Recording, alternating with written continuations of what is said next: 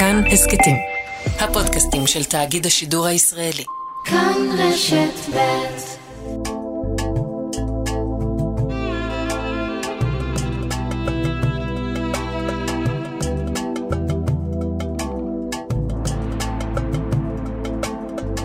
שלום, כאן ערן זינגר, ואתם מאזינים להסכת מרחבת מבית כאן רשת ב'.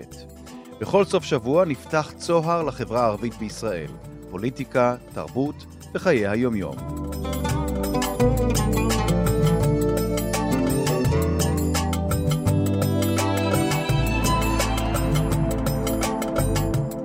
שלום לסופר אלי אמיר. שלום, בוקר טוב. ואיתך, אלי, אנחנו משוחחים בנסיבות uh, עצובות, עצובות uh, לאנשים רבים. Uh, חלקם uh, עובדים כאן בשידורי התאגיד בשפה הערבית, חלקם אפילו בשפה העברית. אנשים שהכירו את uh, שאול מנשה, איש uh, שידורי הרדיו בערבית הרבה מאוד שנים, אדם שהופיע uh, בשידורי הרדיו כאן בארץ ובעולם. בשפה הערבית במשך הרבה מאוד שנים ועשה הסברה, הסברה של איש אחד, אה, הייתי קורא לזה, אה, בשפה הערבית. הוא הלך לעולמו אה, ממש לפני שבוע, ופנינו אליך, אלי אמיר, כי אתה הכרת אישית את שאול מנשה. נכון, את שאול מנשה הכרתי בשנות ה-60, מיד אחרי מלחמת ששת הימים. אה, בתקופה ההיא אה, שירות השידור בערבית, בית השידור הישראלי בערבית, ככה זה נקרא, דאר אל-אידה אל-ישראליה, הייתה, בית השידור היה מעצמה. מעולם אה, הם הפריחו את התעמולה השקרית של נאסר, גמל עבד אל-נאסר ושופרותיו. Mm-hmm. הוא גמל הקים תחנת שידור מיוחדת כדי להיאבק בתעמולה הישראלית. בראש הקבוצה הישראלית ברשות השידור עמד עליו השלום יעקב חזמה, שהיה מנהל בית השידור, מהטובים ביותר שהיו לבית השידור. יעקב ניצח על מקהלה שבה היו יצחק בר משה, מנשה סומך, מאיר מועלם, הדוד שלי, וכמובן שאול מנשה. שמה שמייחד או מייחד את כולכם זה יהודים יוצאי מדינות ערב ששולטים היטב נכון. בשפה הערבית, לעיתים אפילו נכון. שולטים בשפה הערבית יותר מערבים דוברי ערבית, אמ, שהתפקיד שלכם היה לעשות עילם, נכון? לעשות הסברה לישראל בשידורים בערבית. לישראל. כן, וגם למכור במרכאות כפולות את ישראל לתושבי הגדה אחרי אה, מלחמת ששת הימים, שכן הם לא הכירו את ישראל, ואנחנו היינו צריכים לערוך איתם היכרות. אה, שאול מנשה הקים מדור, או תוכנית ששמה הכאביב וחקאיק, שקרים ואמת, שזה בעצם הכאביב, תקשיפו על חקאיק, תקשיפו על חקאיק, שקרים שהאמת מגלה אותם. והתוכנית שלו עד מהרה עשתה על השם בכל העולם הערבי ולא רק בו. אחרי מלחמת ששת הימים תיארו את בית השידור הישראלי כאוגדה נוספת של צה"ל במלחמה שלו. עד כדי כך הייתה ההשפעה שלה גדולה, ולמעשה העולם הערבי כולו האזין לכל ישראל בערבית, והאמין לבית השידור. ובית השידור הזה הקפיד לשפר אמת, כי זה היה כל הכוח שלו, לשפר את האמת. אתה מספר על אותן שנים, ויש לנו הקלטה, אלי. יש לנו כן. הקלטה של שאול מנשה, מתראיין בעברית כן. לתוכנית ברדיו כן. שנקראה ישר ולעניין. זה היה שנת 1969, שנתיים נכון. אחרי מלחמת ששת הימים, כששאול מנשה מסביר מה בעצם התפקיד שלו ושלך ושל כל דוברי הערבית בשידורי הרדיו בערבית, כשמדובר בהסברה לעולם הערבי. אני רוצה שנשמע את הדברים, הנה. אנחנו מספקים לעולם הערבי ידע על המתרחש במדינות ערב, נותנים פרשנות עניינית על מה שנאמר, מה שנעשה ומה שלא נעשה במזרח התיכון בעיקר. למי אתם משדרים? יש לנו שני יעדים עיקריים, העולם הערבי, אה, המוני ערב, אזרחים, חיילים, מנהיגים, אה, גם אלה העוסקים בשירותי ההסברה במדינות ערב, היעד השני התווסף לנו לפני כשנתיים, והוא אה, מיליון ערבים בשטחים המוחזקים, שהסטטוס שלהם השתנה. לפני שנתיים הם היו מעבר לקו הירוק. היום אנחנו חיים זה על יד זה. האם באמת מאזינים לכם מעבר לגבול? ברור שמאזינים, יש האזנה עצומה. כך אה, שאול מנשה בהקלטה משנת 1969 מסביר בתוכנית ישר ולעניין ברדיו עד כמה חשוב שיהיו שידורים בשפה הערבית כדי להסביר את ישראל בעולם הערבי, ובאותן שנים כבר בעולם הערבי, נקרא לזה, הקרוב יותר לישראל, כלומר הפלסטינים בשטחים המוחזקים, כפי שהוא אז הגדיר זאת אה, בשידור. איזה שנים אלו היו, אה, אלי אמיר? איזה שנים, הנה, רק השמעת לי את הקלטת.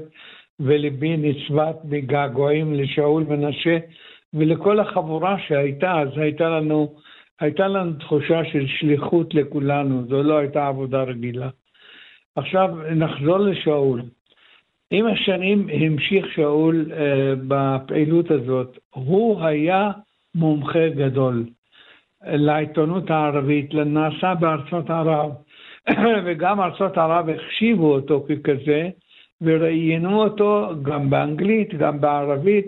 אה, היו אין ספור אה, הופעות כאלה, הנה אחת מהן, ואני רוצה להשמיע לך איך שאול מנשה מסביר בערבית את התוצאות או את התוצאה של אחד הסבבים של הלחימה בעזה, והוא אה, משתמש בשפה מאוד עשירה כדי לומר שבסופו של דבר ישראל לא פועלת על פי האינטרסים של חמאס. האינטרס הוא האינטרס הישראלי וזה מה שחשוב. בוא נשמע.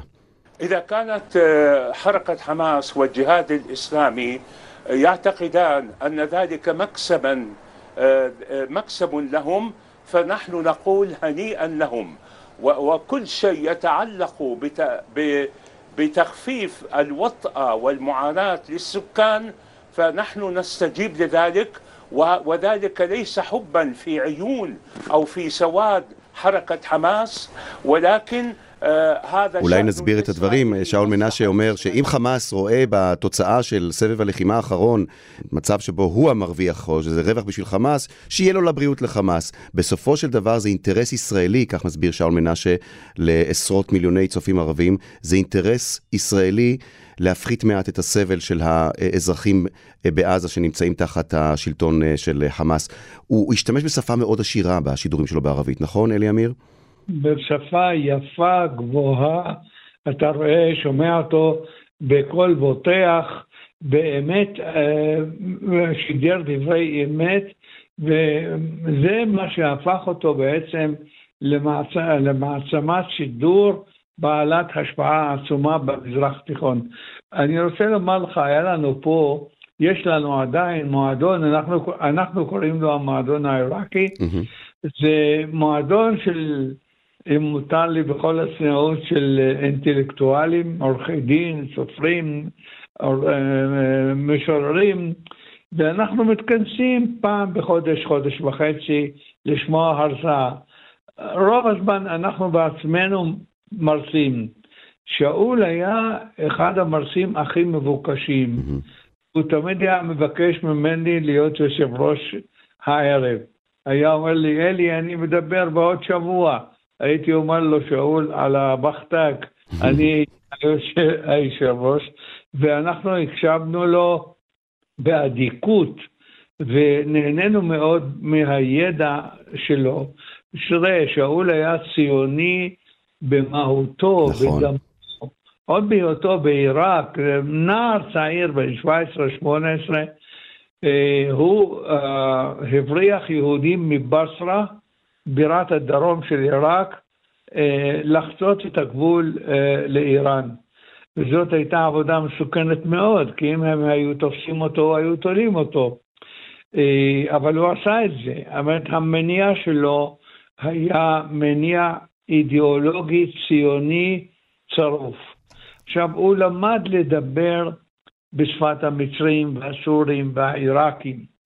הוא ידע לנגוע בהם, ומכיוון שהאמינו למה שהוא אמר, היה משקל עצום לדברים שלו. תרשה לי בנימה אישית גם, אמ, אתה יודע, אתה מספר את הדברים האלה. כן, כן. רק בתחילת דרכי ככתב לענייני ערבים, שאול מנשה היה מתקשר אליי כמעט כל בוקר, כולל שבתות, כן. אה, בשש בבוקר, כדי להקריא לי אה, ידיעות מעניינות שהוא אה, מוצא בעיתונות הערבית. והיה מסביר לי גם איך אני מגיע אל הידיעות האלה. ואתה יודע, שאלו אותי פעם בבית, תגיד לי, גם, שאלו אותי גם קולגות, זה, זה, זה, זה, זה, זה נשמע בעיניך הגיוני שבן אדם מתקשר אליך ב-6 בבוקר ונותן לך את הידיעות האלה, וזה לא מפריע לך בעבודה, אתה לא רוצה לישון בשעה הזאת? והסברתי שהטלפונים האלה משאול מנשה היו המחכימים ביותר והמעניינים ביותר, אתה יודע מה, וגם המספקים ביותר. כי היה לי, קודם כל למדתי ממנו הרבה מאוד, אני חייב לומר, המון, גם בכל מה שנוגע לתפיסה ולראייה שבה הוא מסתכל על המרחב הערבי, גם בכל מה שנוגע לשפה הערבית ו- ומטבעות לשון, הוא היה, הייתה לו שפה מאוד מאוד עשירה. ודבר נוסף, אלי אמיר, לשאול מנשה, בעיקר בעיתות משבר, היה מאוד חשוב לשדר כאן ברדיו בעברית ידיעות עם תקווה. ידיעות שייתנו קצת, אה, יעלו קצת את המורל. הוא היה מתקשר אליי ואומר לי, תשמע, יש כאן ידיעה, צריך לשדר אותה, זה יעלה קצת את המורל בעם. אני מדבר איתך על ימים מאוד קשים, בין אם מדובר בלחימה בלבנון או לחימה בעזה. ושאול מנשה היה מתקשר ומבקש שאני אה, אשפוך אור על ידיעה מסוימת או על ידיעות מסוימות מהעיתונות הערבית, שמראות את ההצלחה הישראלית אל מול אין ספור ידיעות שמשודרות בתקשורת העברית, שבעיניו רק הורידו את המורל, והוא כל כך רצה להעלות את המורל כאן בעם בישראל, ואני חושב שזה גם אה, דבר שצריך לציין בשיחה הזאת. הוא עשה את זה, הוא עשה את זה בכל הזדמנות, מתוך שכנוע פנימי עמוק. בכלל הייתה לו אופטימיות ואהבה למדינת ישראל ולשבטים שלה. תשמע, הוא חי בין שני העולמות, רגל אחת בעולם הערבי ורגל שנייה בעולם הישראלי-יהודי. והעביר ממומחיותו לשני הצדדים, כמובן. אה, אבל מאחורי זה היה באמת הדחף האידיאולוגי הפטריוטי, החרדה למדינה, החרדה לחברה הישראלית ומערכת החיים שאנחנו מנהלים בינינו ובינינו לבין המיעוט הערבי. האנשים האלה, כל הדור הזה, שאני הזכרתי חלק ממנו בהתחלה, כמובן הלך לעולמו. דרך אגב, רבים מהם היו יהודים עיתונאים עיראקים שכתבו עוד בעיראק, ואוטומטית הם נקלטו באותה תקופה אה, בבית השידור הישראלי בערבית, והם בנוסף לכמה עיתונאים אה, מצריים, יהודים מצריים שחיו כאן, הם החזיקו את התחנה המפוארת הזאת, החטיבה המפוארת הזאת של בית השידור, שכמובן שאול היה באמת אחת מאבני היסוד שלו. אני חושב ששאול אה, יחסר למדינה, למרות שזה נשמע בומבסטי, מפני שהוא היה אה, מעצמה של אדם יחיד שמכר במרכאות כפולות את מדינת ישראל לערבים ווייס ורסה. כן. איך הוא הציג את השלום שסאדאת עשה, איך הוא כתב על סאדאת באותה תקופה. אלה היו דברים שהוסיפו למדינת ישראל כבוד. אני הופעתי במצרים אה, כסופר, והיו מדברים איתי על שאול מנשה, היו מדברים איתי על בית השידור הישראלי בערבית. אמרו לי, מאיפה מצאתם את האנשים האלה שעושים, שעושים לכם שידור ענק? ואצלנו לא מאמינים לשידור שלנו. כן, פשוט ככה. שאול מנשה היה כל כך שמח, אני חושב, היום לשמוע את הדברים האלה. אני רוצה לומר לך, אני את חלקי עשיתי. אני באתי לשאול, עליו השלום, את אהבתי והערכתי אליו תמיד, אבל הוא לא שמע מספיק מהציבור אה, אה, על פועלו. אבל הדחף שלו היה ציוני, אידיאולוגי, מתוך תוכו. אנחנו כמובן אה, נשלח מכאן את תנחומינו למשפחתו אה, של שאול מנשה, כאמור היום שבוע למותו. של האיש היקר הזה, חבר של רבים מאיתנו, שאול מנשה. הסופר אלי אמיר, תודה רבה ששיתפת אותנו בתובנות ובחוויות שלך עם שאול מנשה. ערן, תודה רבה לך. אני חושב שעשית דבר מאוד יפה ומכובד, שהזכרת את האיש הזה ופועלו, והנצחת אותו, וכל הכבוד שלך. כל הכבוד לך באמת. תודה רבה. תודה יקירי. ביי ביי. ביי.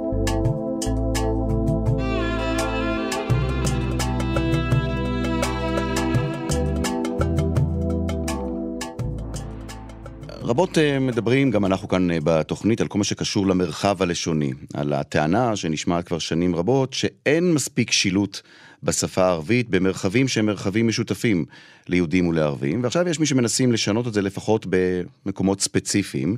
שלום לשירי מאלר. שלום. ואיתך גם נוואל ערפאת. שלום.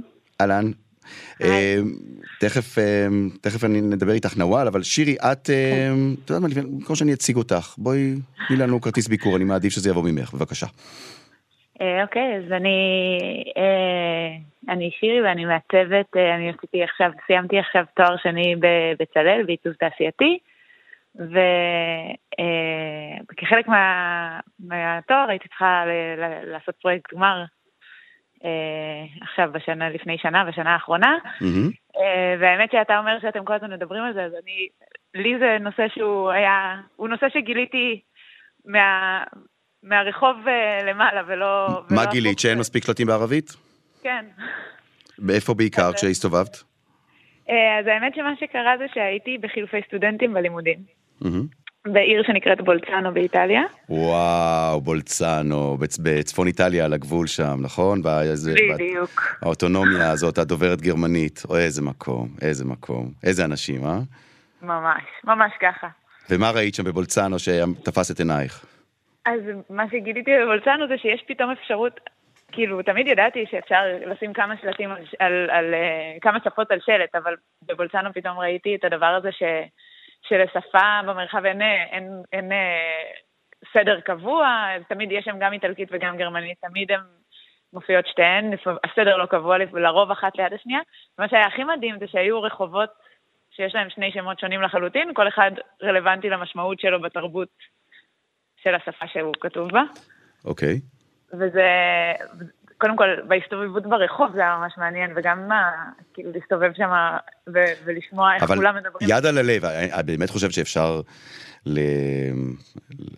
להשוות את מה שקורה שם בדרום טירול לבין מה שקורה כאן בארץ? את יכולה להשוות את המציאות הפוליטית, המדינית, הלשונית, למה שראית שם בין אוכלוסיות שמצליחות להסתדר אחת עם השנייה במשך כל כך הרבה שנים ולדבר זו בשפתה של זו לבין מה שראית כאן בארץ?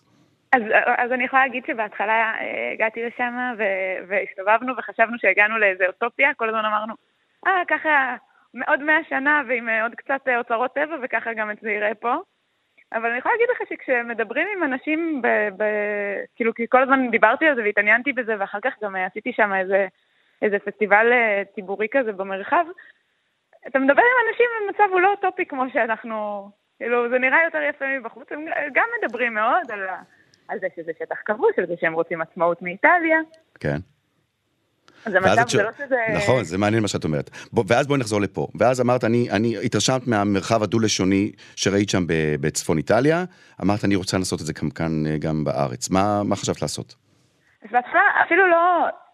בהתחלה לא, רק הסתכלתי על הדבר הזה, על כמה זה נותן לך משמעות כשהמרחב מדבר אליך, כאילו שדיברתי על זה עם אנשים שם וזה, זה בכלל לא היה בכלל לא היה לה פרויקט גמר. רגע, מה זה כשהמרחב מדבר אליך? תסבירי.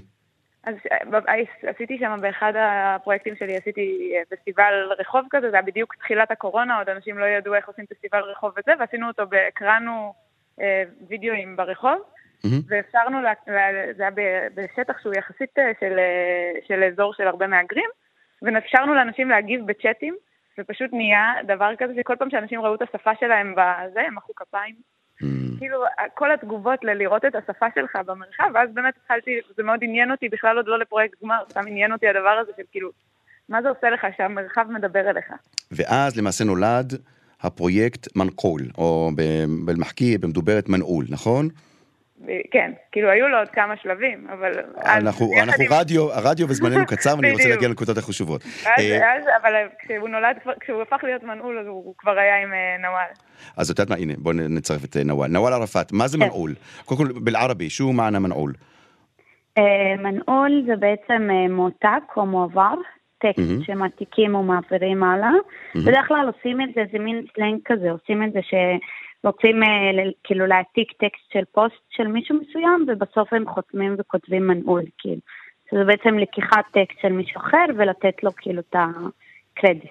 וכששמעת אה, את הרעיון של שירי, לקדם את הפרויקט כן. הזה, מה חשבת בהתחלה? כלומר, כמה, את יודעת מה, כמה את כערבייה, מאיפה את בארץ אגב? ביפו. את, את תושבת יפו. כמה. את כתושבת יפו מרגישה שלשפה שלך, אלורה אל-ערבייה, אין מספיק נוכחות במרחב הלשוני שהוא משותף ליהודים וערבים? אה, אז ככה, מבחינת ההתייחסות, אני חוקרת את זה גם, ועשיתי מין אה, כזה הרצאה בשבוע העיצוב בירושלים לפני שנתיים, אני חוקרת את המרחב, את השפה, בתוך המרחב הציבורי, ולצערי, כאילו העבודה, כאילו השפה הערבית באמת אה, לא מקבלת יחס הולם.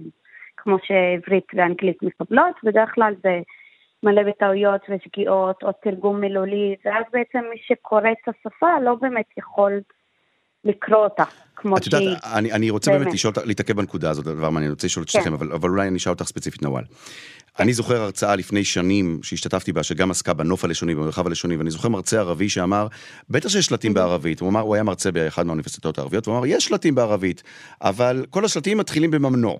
באסור, ממנוע תדחין, ממנוע דחול, כן. ממנוע חורוז', אסור להיכנס, אסור לצאת, אבל, אבל כן. עם יד על הלב נוואל, אני חושב שהמצב כן. השתנה היום, נכון? את, את שומעת יותר ערבית למשל בתחבורה הציבורית. אה, את, שומע, את רואה נכון. יותר שילוט בערבית, לא רק על אוטובוסים, את רואה יותר שילוט בערבית במקומות שלא לא ראינו אותם בעבר, נכון או לא? נכון, ויש גופים גם שבוחרים.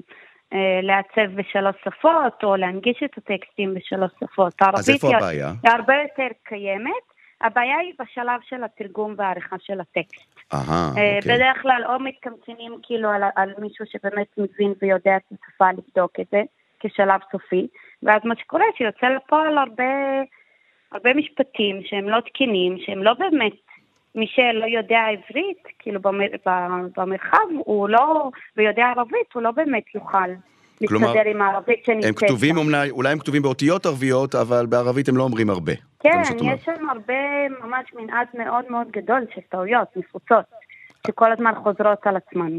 והפרויקט באמת, אה, אה, שבעצם נולד, כאילו התחברנו יחד, אני ושירי, ובעצם אה, זה להנכיח שפה שהיא לאו דווקא כמו שאמרת, כאילו שהיא של אה, איסורים ושילוט ומה כן אפשר, מה אי אפשר, מתוך כאילו, כי השפה הערבית הייתה רשמית עד לפני uh, כמה שנים, שהם ביטלו את זה בעצם, והיו מחויבים בעצם לשים את הערבית בשלטים mm. האלה. Uh, ולאט לאט כן רואים יותר את השפה הערבית במרחב. זה מבחירה, זה יוצא גם מהעניין הזה שהרבה הרבה ישראלים הולכים ולומדים ערבית. נכון. אז, אז, הרבה אז, יותר ממה שהיה פעם. אז אני רוצה פה לחזור לשירי, לשירי מאלר. שירי, כן. אז איך, איך זה בא לידי ביטוי למשל בגן צ'ארלס קלור? מה את מתכננת, או מה את ונוואל מתכננות לעשות שם עכשיו, כדי שהערבית תהיה, תרגיש שם אחרת, או תורגש אחרת, תועבר אחרת? אז באמת אה, גן צ'ארלס קלור בא כאיזה הוכחת היתכנות לזה שזה אפשרי לייצר איזשהו דבר אחר, וגם להשתמש באמת בדבר הזה של מרחב בילוי. כי אתה אומר שדברים השתנו, אבל אני לפרויקט הלכתי, דבר ראשון שעשיתי זה בוא נראה מה המצב הקיים, וכרגע היום בגן צ'ארלס קלור מכל השלטים 17% מופיעים בשפה הערבית, ורובם שלטי אזהרה ואיסור. כל השלטים שמדברים על אומנות ותרבות לא מתורגמים, בטח לא שלטים שקשורים לאנדרטות. אה, אז בעצם בעיקר מה שאתה רואה זה שלטי אזהרה ואיסור. תגידי, שירי, את מדברת ערבית? את אה, קוראת ערבית? אז אני חושבת שזה אחד, אני, אה, אני עובדת על זה, לא כל okay. אוקיי, כך, ואני חושבת okay. אוקיי. שזה באמת, באמת אחד מהדברים בפרויקט הזה, זה שמהצד, מהכיוון שלי, הוא לא בא, הוא לא, אני לא באה לפתור את הבעיה כל כך לאחרים פה, שאני חושבת שהמפסיד העיקרי מזה שאין לנו ערבית במרחב, הוא אני, כאילו, אני חושבת שבקלות, אני זוכרת שהסתובבתי בבולצנו וכולם מדברים שתי שפות כל כך וזה, ואנחנו מפסידים פה איזה דבר, גם הדבר הזה שבשלטים, בהרבה שלטים יש תעתיק או טעויות, כאילו אין לנו את האפשרות ללמוד את הנרטיב מהמרחב. שזה משהו שבקלות יכל לקרות. כאילו. ונוואל, מה יעשה, כן. לשאב ערבי, או לכל אחד אחר, mm-hmm. שיגיע כן. לגן צ'אס קלו, ברגע שהפרויקט הזה מנעול, יתחיל כבר אה, לטעת שורשים שם בגן צ'אס קלו, מה זה יעשה לערבים כשהם יראו יותר ערבית במרחב? מה זה עושה לך כערבייה כשאת רואה יותר ערבית במרחב?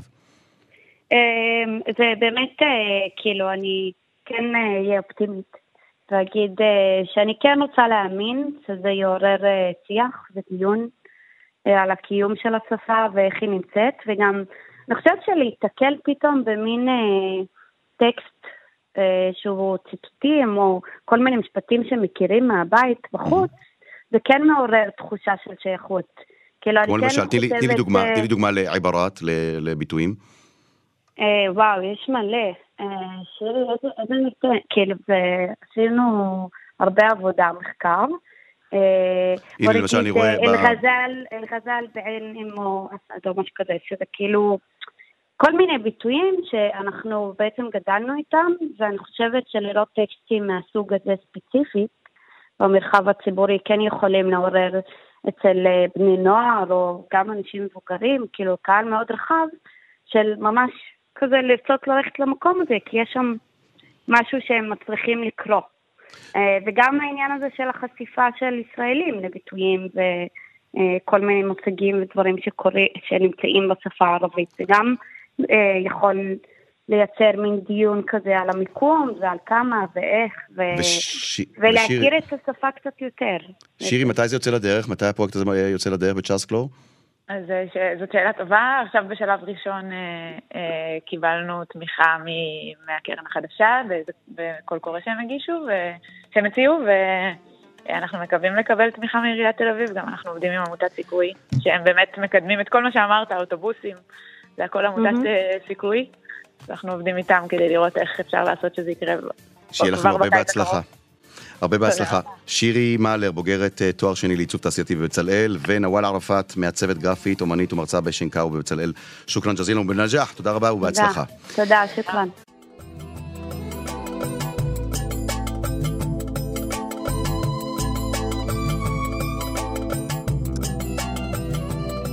האזנתם להסכת מרחבת. עורכת התוכנית היא שושנה פורמן. עורכת ההסכת היא איילת דוידי. אם אהבתם או שאתם רוצים להגיב על מה ששמעתם כאן, אתם מוזמנים לכתוב לנו בקבוצת הפייסבוק כאן הסכתים. אתם יכולים לכתוב לנו גם בדף הפייסבוק של כאן ב'. אותי תוכלו למצוא בטוויטר ובפייסבוק. עוד הסכתים תוכלו למצוא באפליקציית ההסכתים האהובה עליכם באתר שלנו וגם בספוטיפיי. התוכנית מרחבת משודרת בימי חמישי בשעה שתיים מיד אחרי החדשות. אני ערן זינגר. להתראות. thank you